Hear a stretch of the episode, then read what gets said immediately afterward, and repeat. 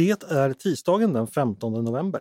Jag heter Andreas Eriksson och du lyssnar på Ledarredaktionen, en podd från Svenska Dagbladet.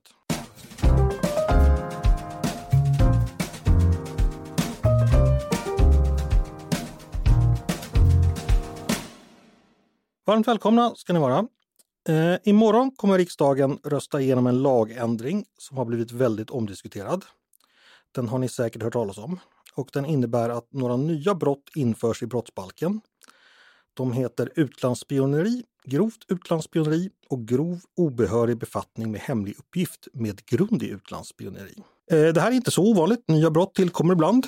Eh, men den här lagändringen kommer också innebära en grundlagsändring eftersom brotten blir så kallade tryck och yttrandefrihetsbrott. Eh, det, blir, det vill säga att de kommer vara brott även om gärningen görs så att säga i led Eh, i ett arbete att uttrycka sig antingen i tryck eller på annat sätt som annars skyddas av grundlagen. Eh, och alltså måste, när en grundlag ändras, eh, eftersom det här regleras i tryckfrihetsförordningen och yttrandefrihetsgrundlagen, eh, och då måste också två riksdagar efter varandra med ett val emellan anta denna lag. Eh, lite formalia där, men jag hoppas ni hängde med. Vad innebär då det här då i praktiken? Eh, vad är det för typ av gärningar politikerna vill se kriminaliserade och varför? Och varför är den här grundlagsändringen kontroversiell? Vad säger dess kritiker? Och vilka problem och eventuella risker finns med den här lagändringen? Med mig för att reda ut det har jag Nils Funke. Välkommen hit! Tack så mycket!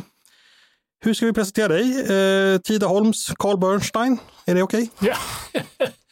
Jo, det låter ju väldigt tjusigt. Eh, nej, men allvarligt. Eh, journalist, författare, eh, känd expert och go-to-man när det gäller tryck och yttrandefrihetsfrågor. Och du har också varit ute offentligt och kritiserat lagändringen.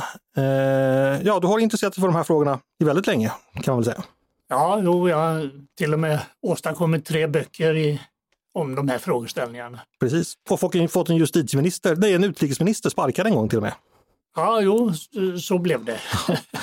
Det var då eh, Laila Freivalds, om ni minns det, en händelse i valrörelsen eh, 2006 då hon var medveten om att en, en av hennes eh, tjänstemän ringde upp ett webbhotell som drev en sida för Sverigedemokraterna som då ledde till att den stängdes ner. Och så får ju politiker helst inte göra och lägga sig i på det sättet. Så det ledde till att hon så småningom fick avgå. Och det var Nils som avslöjade detta i tidningen Riksdag Departement som fanns på den tiden. Ja, som nu inte finns. Nej, riksdagsledamöterna vill inte finansiera den? Nej, så fort uh, socialdemokrater och moderater är överens om någonting, då blir det så. Ja. och så även i det här aktuella fallet nu. Men om vi ska backa tillbaka till, eh, till den här affären 20, 2006 eh, så kan man väl säga att konstitutionsutskottet prövade frågan hur statsrådet hade betett sig och konstaterade då att det där var en åtgärd som inte var förenligt med svensk grundlag. En myndighet, eh, i det här fallet då utrikesdepartementet, får inte ingripa emot ett yttrande på det sättet utan det har vi ju särskilt eh, reglerat i tryckfrihetsförordningen vilken gång det ska vara med en exklusiv åklagare och att det är bara vissa upptagna brott i den så kallade brottskatalogen som kan eh, ut, eh, leda till ett, ett straff. Så det, det är liksom eh, ett, ett bygge som har pågått i flera hundra års tid och där man då har lagt till en bestämmelse som då har stärkt någon annan och man har vidgat yttrandefriheten och under perioder så har den också eh, trängts tillbaka men återhämtat sig igen. Och nu står vi faktiskt, eh, det är inte många timmar kvar här nu, va? men eh, det finns ju fortfarande chans för riksdagsledamöterna att betänka, vill de verkligen nu vara med om att införa ett nytt tryck och yttrandefrihetsbrott? Eh, det var 20 år sedan senast och då infördes ett brott som jag tyckte var motiverat men i det här fallet så... Vilket var det? Eh, eh, nu ska vi se så jag minns rätt här. Det eh, finns säkert någon där ute som kan korrigera mig men jag har för mig att det var just hot mot medborgerliga friheter, alltså att någon skrev eller yttrade saker då i tryck, tryckta medier som kunde inskränka någon annans demokratiska fri och, fri och rättigheter. Och, och där, där fanns det ju motiv för att göra det. För vi ska ju ha klart för oss att göra ett ingrepp i opinionsfriheterna. Och det handlar ju inte bara om yttrandefriheten, demonstrationsfriheten, föreningsfriheten, eh, mötesfriheten, religionsfriheten. Göra ingrepp där, det får bara ske inom de ramar som anges i vår förnämsta eh, grundlag, regeringsformen.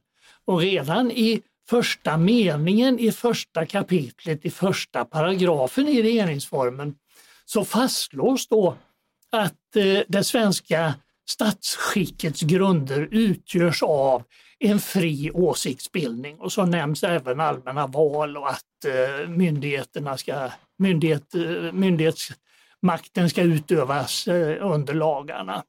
Och sen kommer liksom bestämmelser om att eh, ingrepp i de här rättigheterna, det får liksom bara ske om det är motiverat eh, av, av sakskäl. Det ska vara eh, proportionalitet emellan åtgärden man vidtar och det problem man vill eh, åtgärda. De bestämmelserna eller inskränkningarna får liksom inte in, eh, vidgas till att omfatta både det bekymmer man tycker man har identifierat och annat, utan det ska vara liksom kirurgisk precision i de här, mm. i de här ändringarna. Så det, det, är ingen liten sak egentligen att det tillkommer det, ett nytt tryckfrihetsbrott? Helt enkelt. Nej, det är en stor sak och mm. dessutom det som gör mig ja, lite extra bekymrad i, i det här fallet och även i många andra fall, det är ju då att traditionellt så har man ju då tillsatt parlamentariskt sammansatta kommittéer mm. som då ledamöterna har eh, kunnat fatta ett beslut vilka förslag som sen ska gå vidare i lagstiftningsprocessen.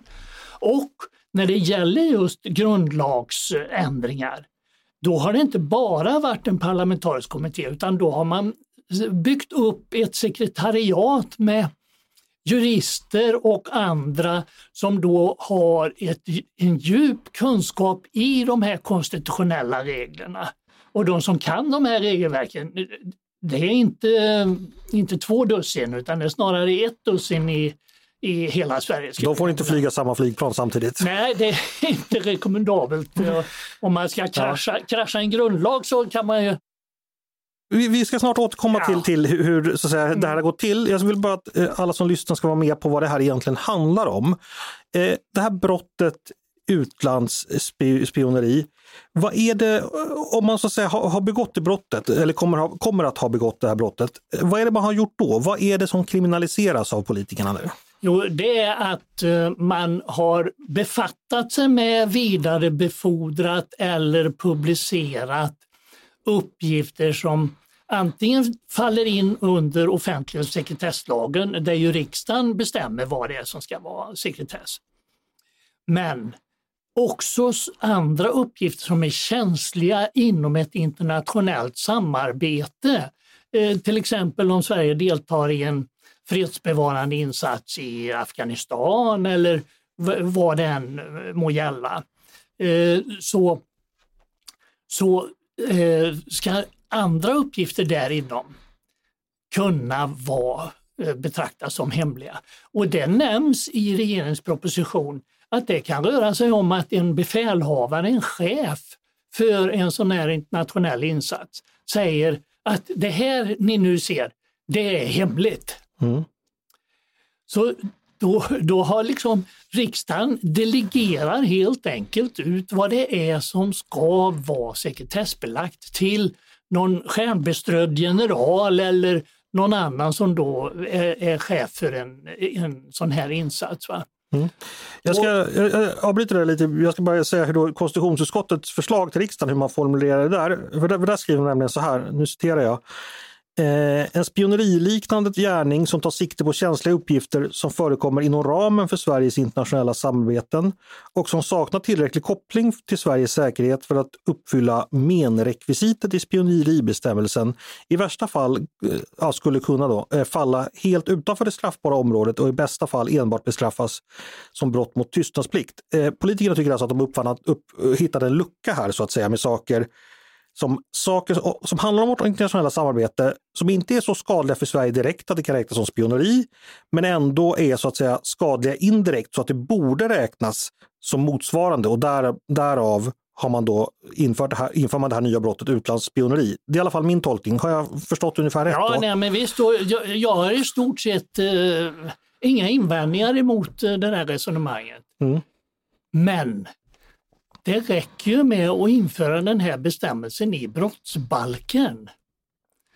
Vitsen är ju att ha kvar den här eh, pysventilen där enskilda som då har sett eller hört talas om något övergrepp eller misshushållning eller vad det än kan vara inom de här internationella insatserna ska kunna lämna de uppgifterna i trygghet om att de eh, behåller sin anonymitet och lämnar de uppgifterna för offentliggörande i grundlagsskyddade medier. Att någonting blir ett tryck och yttrandefrihetsbrott, vad innebär det i det här fallet? Ja, det innebär ju i, just det här specifika fallet så innebär det då att en utgivare som då har publicerat sådana här hemliga uppgifter som då leder till ett allvarligt men för våran, eh, våra möjligheter att delta i det här internationella samarbetet kan då eh, ställas till ansvar och straffas för, eh, för det.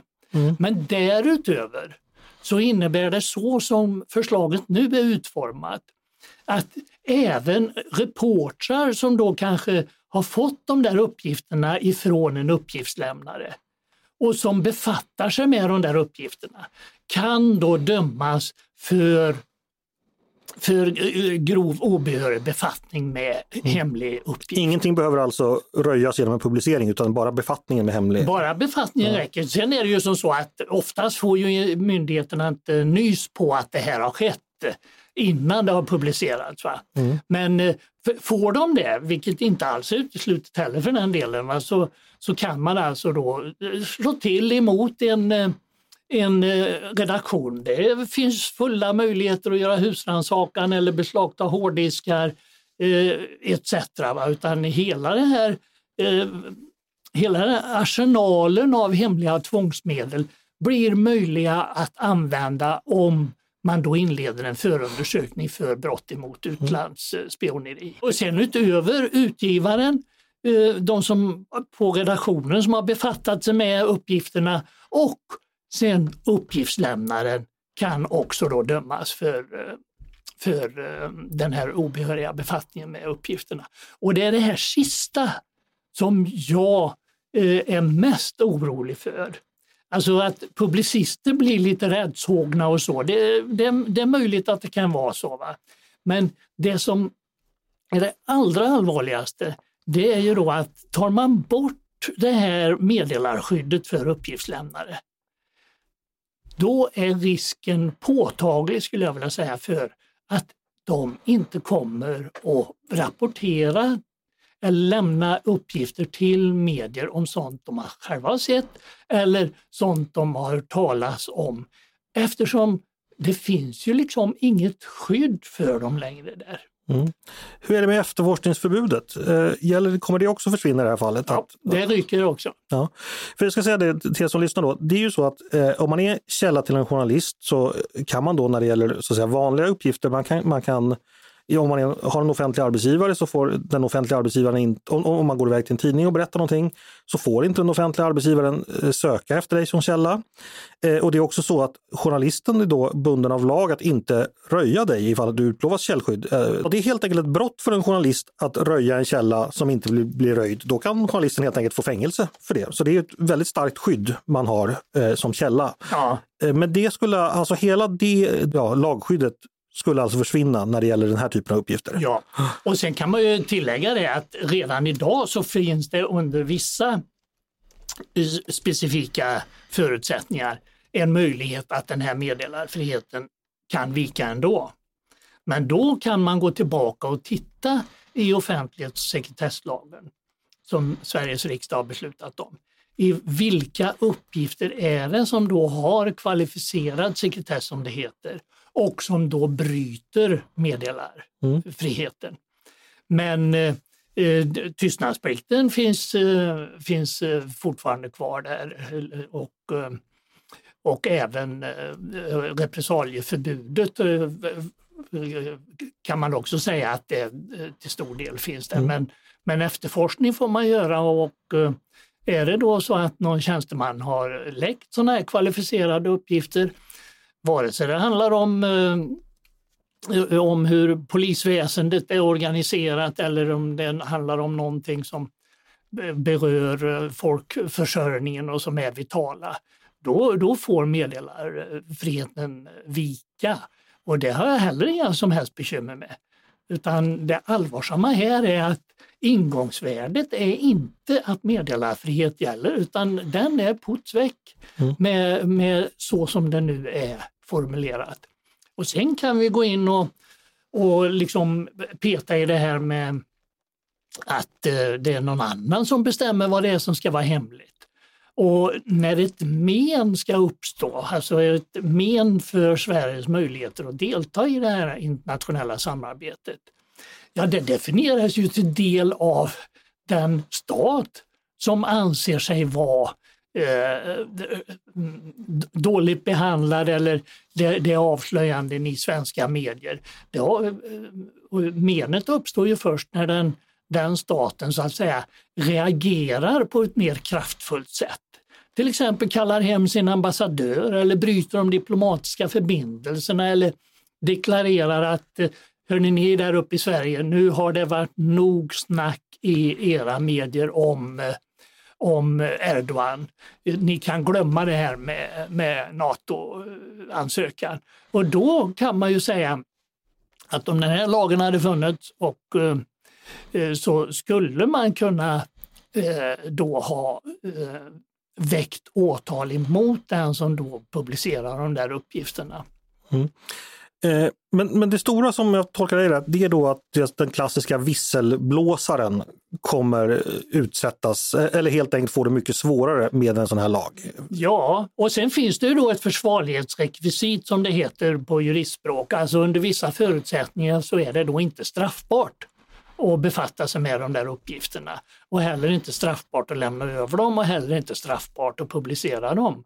Det är ju bara det att när, när det här eh, försvarlighetsrekvisitet ska prövas, man vet ju egentligen aldrig utgången av en sån process. Och redan det att det inleds en förundersökning eh, innebär ju att den som har lämnat uppgifterna i stort sett blir utlämnad och eh, identifierad.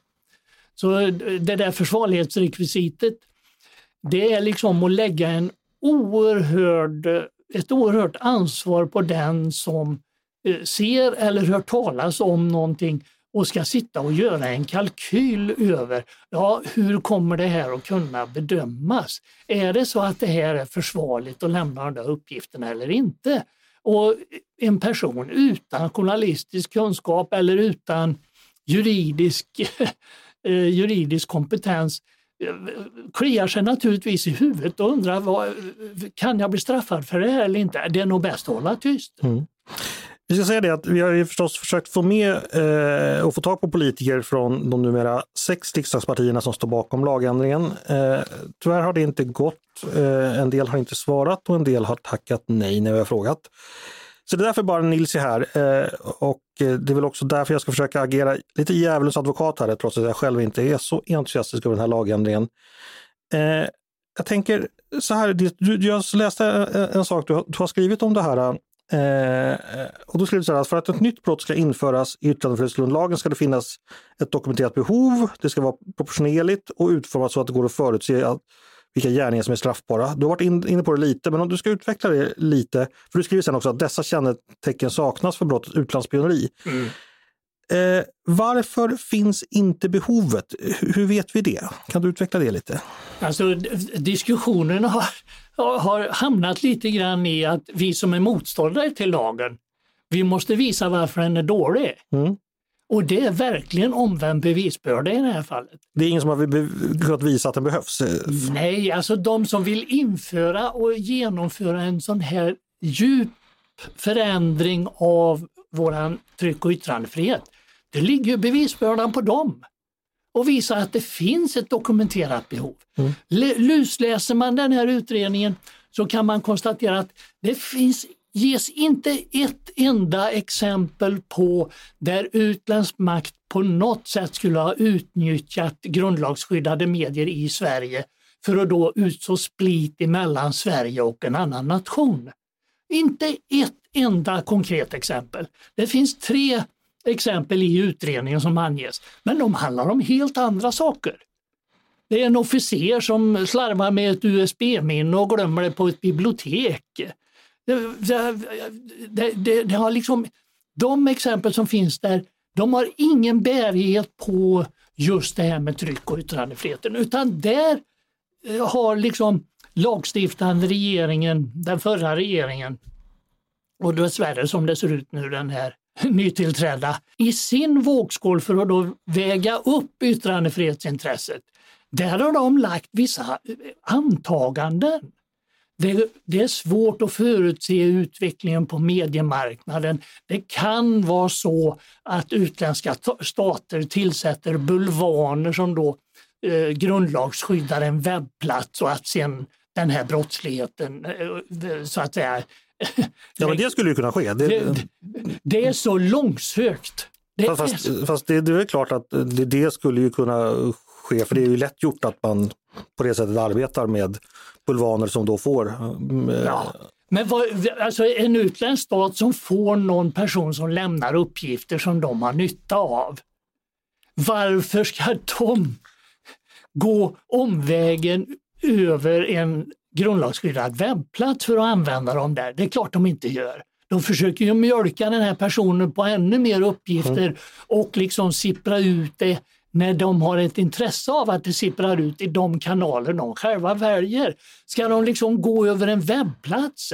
Ja, det... Det, är ju, det är ju inte bara att registrera sig där i största allmänhet utan du måste ju liksom ha en person som då du utser till att bli utgivare för det här. Och då har du genast exponerat eh, någon lakej eller någon resurs som den här utländska staten har.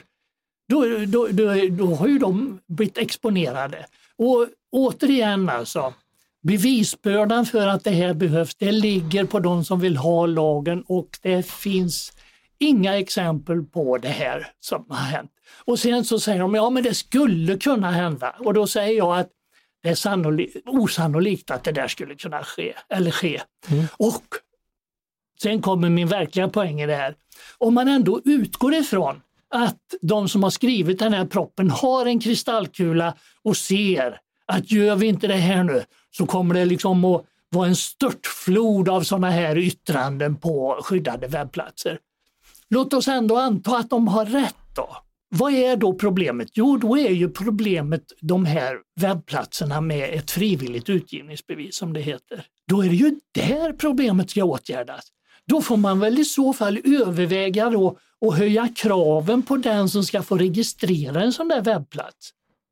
Eller till och med kanske avskaffa möjligheten att eh, få frivilligt utgivningsbevis. Då åtgärdar det. Istället så är det ju som att man eh, avfirar eh, två, tre Stalinorglar samtidigt och gör oerhörda förändringar i grund och, och tryckfrihet, eller yttrande och tryckfrihetsförordningen på, som, som drabbar väldigt brett.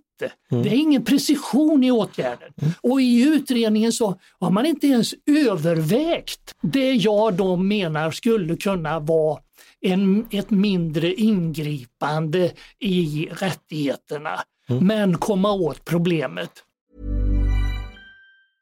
Hej, jag Ryan Reynolds. Recently, I asked Mint Mobiles legal team if big wireless companies are allowed to raise prices due to inflation. They said yes. And then when I asked if raising prices technically violates those onerous two-year contracts, they said, what the f*** are you talking about, you insane Hollywood ass?" So to recap, we're cutting the price of Mint Unlimited from $30 a month to just $15 a month. Give it a try at mintmobile.com slash switch. $45 up front for three months plus taxes and fees. Promoting for new customers for limited time. Unlimited more than 40 gigabytes per month. Slows. Full terms at mintmobile.com. Det, det börjar bli dags att lite gå tillbaka i tiden och titta på hur det här beslutet eh, egentligen kom till. Nu har du, du refererat till en utredning, det var då en enmansutredning som genomfördes som blev klar 2019 eller 2018? Ja, 2016, 17, 17. någonstans där. Eh, Runar Viksten hette han som gjorde en utredning. Eh, hur kom det sig egentligen att regeringen den förra regeringen eh, inledde den här lagstiftningsprocessen. Eh, var du med från början och hängde du med där? Vad, vad, vad sa man då? Nej, jag reagerade när jag såg den första utredningen. Mm. vad som har föregått den, det, det har jag inte någon, eh, någon djupare insikt i än det som, som står i själva utredningarna. Mm. Men man har ju tyckt då att när man har deltagit i det här samarbetet så tycker man ju då att eh, andra kanske liksom andra stater då som har en annan reglering och där de här utlandsspioneri eh, bestämmelserna redan finns, Finland, Danmark etc. Va?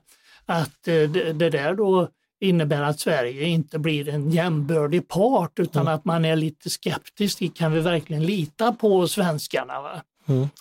Eh, så det, det, det, är väl därifrån det eh, emanerar, att det är sådana signaler man har eh, fångat upp och, och sen för, eh, tillsatt en utredning för men, men om det finns liknande regelverk i andra länder, oss närstående, i nordiska länder, eh, är inte det ett eh, tecken på att det är trots allt ganska okej att införa det och fortfarande vara ett demokratiskt välfungerande samhälle? Kan man inte tänka så? Jag säger inte att Finland är en diktatur bara för att de har har det här. Men däremot så är det ju faktiskt så att, och det finns ju verkliga fall på det, där journalister då har blivit åtalade för, för spioneri för att de har befattat sig med uppgifterna.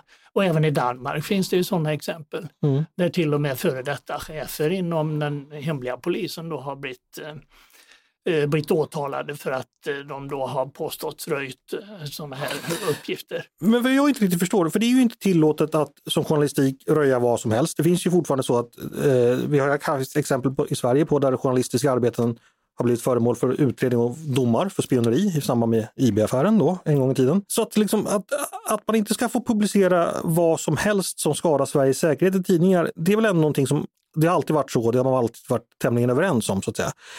Kan man inte se det här då som ett sätt att naturligt utvidga det i och med att vår säkerhetsordning har blivit mer internationell, mer i samarbete med andra, att det är också en naturlig del att även andra saker som har att göra med relationen till främmande makt också anses skyddsvärda på samma sätt. Går det att argumentera så? Eller hur tänker ja, det? Nej, men det, det, det, är klart att det gör, men uh, återigen, det ska ju finnas ett uh, påvisat behov av att uh, det här är ett problem. Mm. Och vi har ju deltagit i årtionden i olika insatser. Alltså det, de borde ju ha hittat någon publicering någonstans under alla dessa år som då kunde liksom ha belyst problematiken. Eh, men det, det, finns inte i utredningen. Mm. Och så länge det inte finns ett behov, då ska man inte så länge det inte finns ett problem så ska man inte fixa det så att säga. Ja. Utan, För om det här hade varit vanligt brott i brottsbalken så att säga, då hade du inte haft något problem med det alls utan då hade du sett det som uh, rimligt? Ja, ja visst. Jag, jag förespråkar det. Jag kan till och med tänka mig att man skulle gått in och göra detaljjusteringar i tryck och yttrandefrihetsförordningen. För en, en, en stor sak som brukar framhållas det är ju det att idag står det ju då att spioneri avser då när man går en annan stat tillhanda. Mm. Det ska ändras nu till? Nu ska det ändras då till en stat och motsvarande för att då inkludera till exempel eh, IS terrororganisationer ja. som då förfogar över ett eller behärskar ett visst territorium. Mm. Det, det har jag heller inga bekymmer med. Utan problemet är ju just att man tar bort den här som har tjänat oss så väl under många, många år. Alltså den här rätten att lämna uppgifter för offentliggörande och att man då är skyddad emot eh, efterforskning och att det också är ett förbud för, för eh, repressalier. Va? Och det, jag, jag sa det till, i en debatt med, med Ida Karkinen om, som är ordförande i KU att eh, jag, jag har svårt att förstå, alltså, ni socialdemokrater har i regeringsställning eh, gjort en hel del eh, som jag tycker dåliga saker, men ni har gjort en bra sak under de här åtta åren. Och det är att då vidga meddelarfriheten till privata verksamheter inom vård, skola och omsorg som till del finansieras med offentliga medel. Ni, här vidgar ni meddelarfriheten för att ni tycker att det finns ett så starkt behov. Men nu, nu så ska ni inskränka det inom ett område där den verkligen behövs. För hur vällovliga internationella insatser än är, så öppnar ju detta liksom en stor risk för att det begås övergrepp och missgrepp. Och det finns ju åtskilliga exempel på det här med franska soldater som våldtar och även misshandlar fångar inför eh, svenska officerare. Risken är ju om man då inte har kvar den här meddelarfriheten att de som då hör talas om det här eller till och med har sett det, att de då inte eh, vågar berätta för de vet inte huruvida detta kommer att anses vara försvarligt eller inte. Mm. Hur tänker du då exempelvis en svensk officer i en internationell insats som får någon typ av kunskap om ett sådant missförhållande helt enkelt inte vågar slå larm? Nej. Och många gånger är det ju, för det eh, poängteras ju också i, i utredningen där, att eh, helst ska man ju då eh, kunna liksom larma om de där missförhållandena utan att man går en utländsk makt tillhanda. Va? Och det är ju då att man rapporterar internt. Men har du fått en order ifrån din överordnade att det här är hemligt. Ja, ska du gå till den överordnade då och liksom eh, rapportera om det här missförhållandet? Mm. Det, det, det, funkar inte så, utan eh, många gånger så när man då inte lyckas få gehör eller blir avspisad internt, då måste den här pysventilen finnas och gå till medierna. Och så var det, om ni nu kommer ihåg eh, det här fallet med det lojala vårdbiträdet eh, som jobbade på Attendo och som såg hur verksamheten då inte sköttes på ett sådant sätt så att smittan av covid eh, var, blev begränsad till dem som som redan hade det, utan personalen gick ju emellan smittade och ännu inte smittade. Va? Och hon reste den här frågan med sina chefer och fick inget gehör.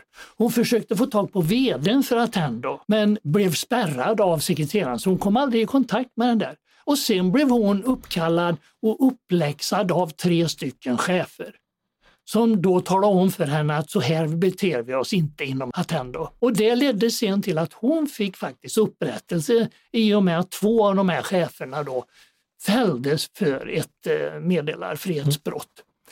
Men och om hon, Stine som hon heter, om hon hade varit eh, med i en sån här internationell insats och till exempel eh, kunnat notera eller höra talas om att de fångar som man då har tagit inte ges den vård som de borde ha. Och hon då ska göra liksom kalkylen, ska jag liksom rapportera det här, här eh, eh till svenska medier eller inte? Kommer detta att bedömas som strafffritt att jag gör det eller inte? Det är liksom en omöjlig situation att avgöra i det skedet. Mm. När, när uppgifterna lämnas. Du, eh, som vi sa så har ju, i alla fall för vår del, och jag vet för även för andra medier, har politik, politikerna inte varit, eh, de har lite, varit lite obenägna att diskutera frågan. Men jag vet att du igår bland annat var på en debatt på Publicistklubben och pratade då bland annat med, som du nämnde, Ida Karkiainen, eh, före detta statsråd och numera ordförande i konstitutionsutskottet. Vad sa hon när hon ville argumentera för sin sak och motivera varför den här lagen behövs?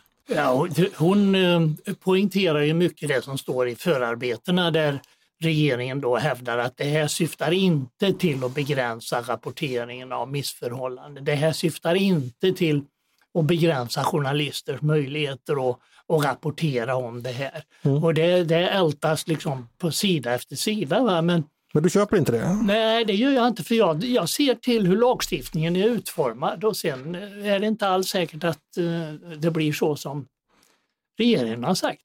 Nej. Vi har sett det förr i historien att uh, den mest demokratiskt uh, sinnade regeringen har liksom sagt att de här lagarna de ska ni inte hysa så stor oro för, för den här regeringen kommer det ändå inte att inskränka tryckfriheten.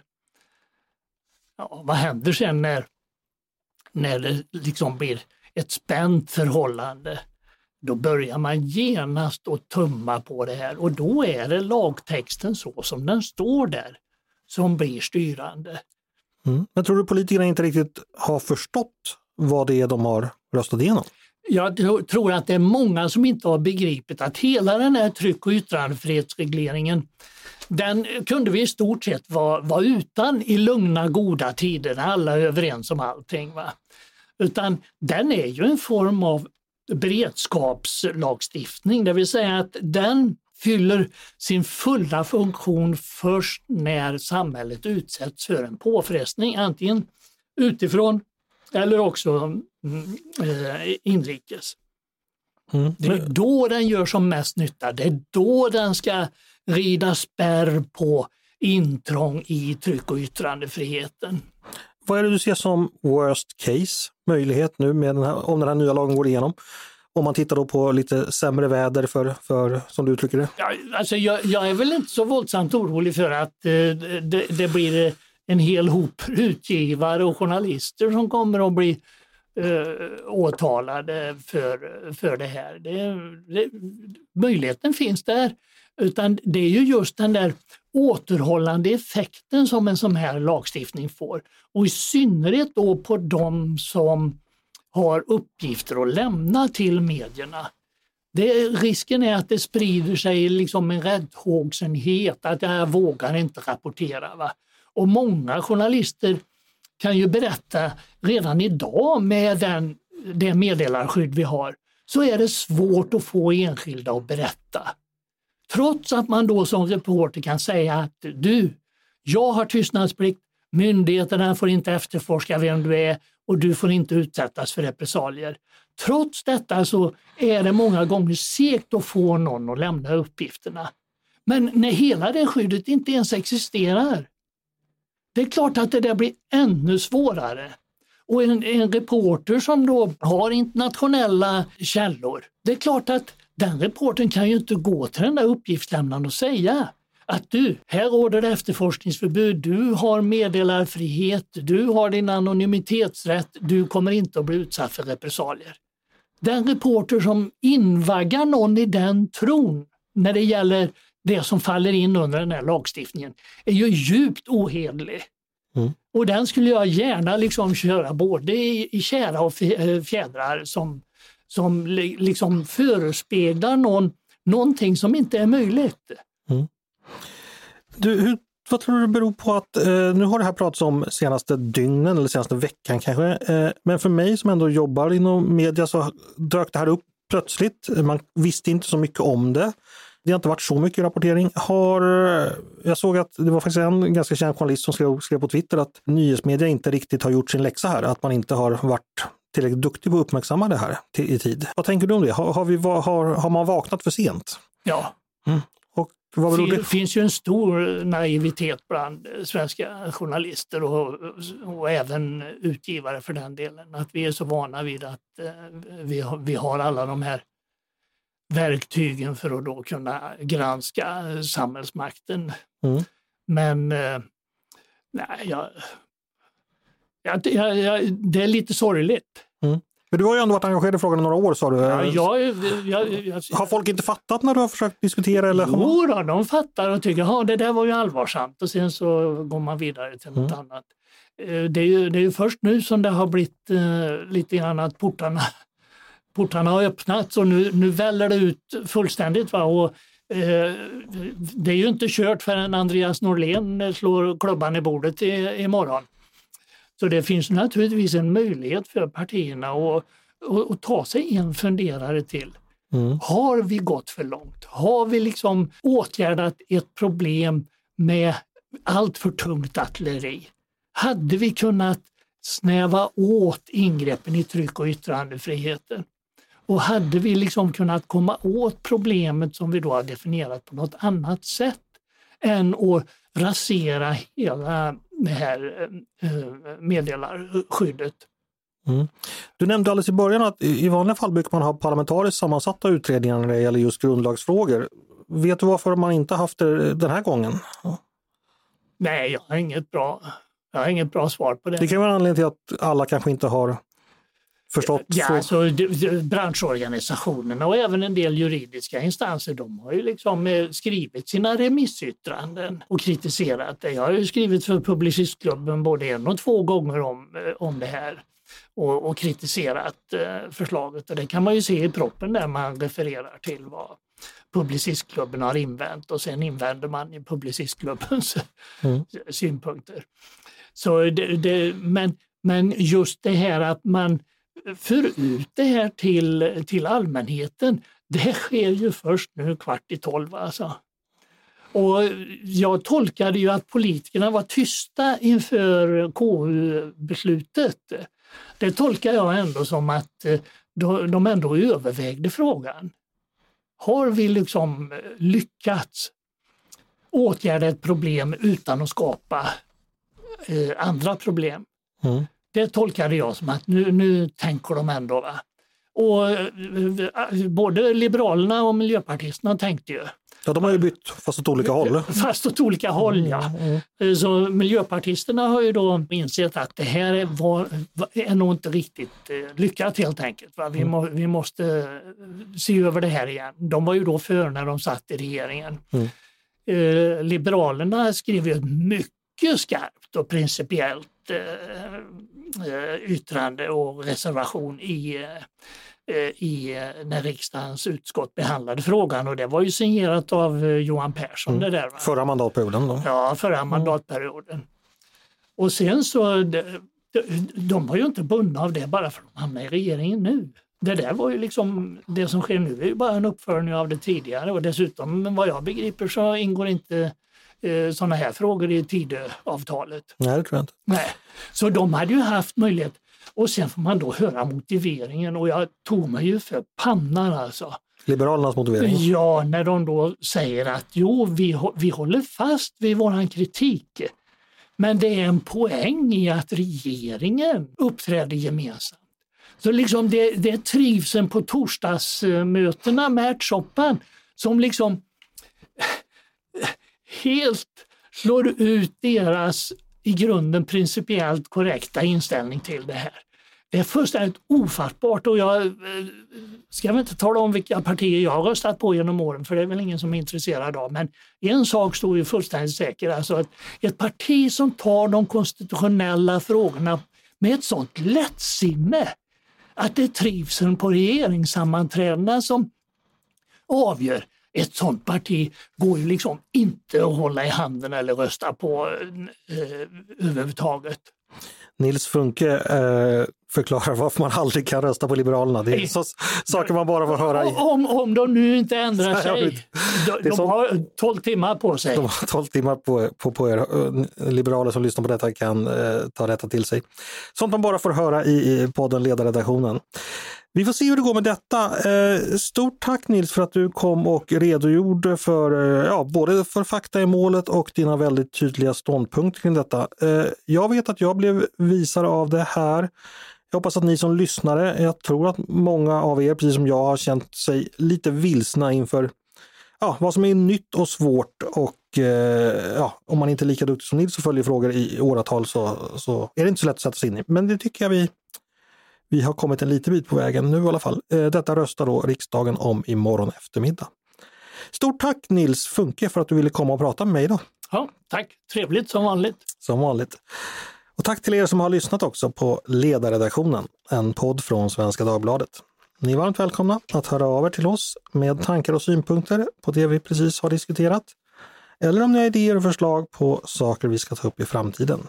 Det är bara att mejla till ledarsidan snabel svd.se. Dagens producent, han heter Jesper Sandström. Jag heter Andreas Eriksson och jag hoppas att vi hörs igen snart.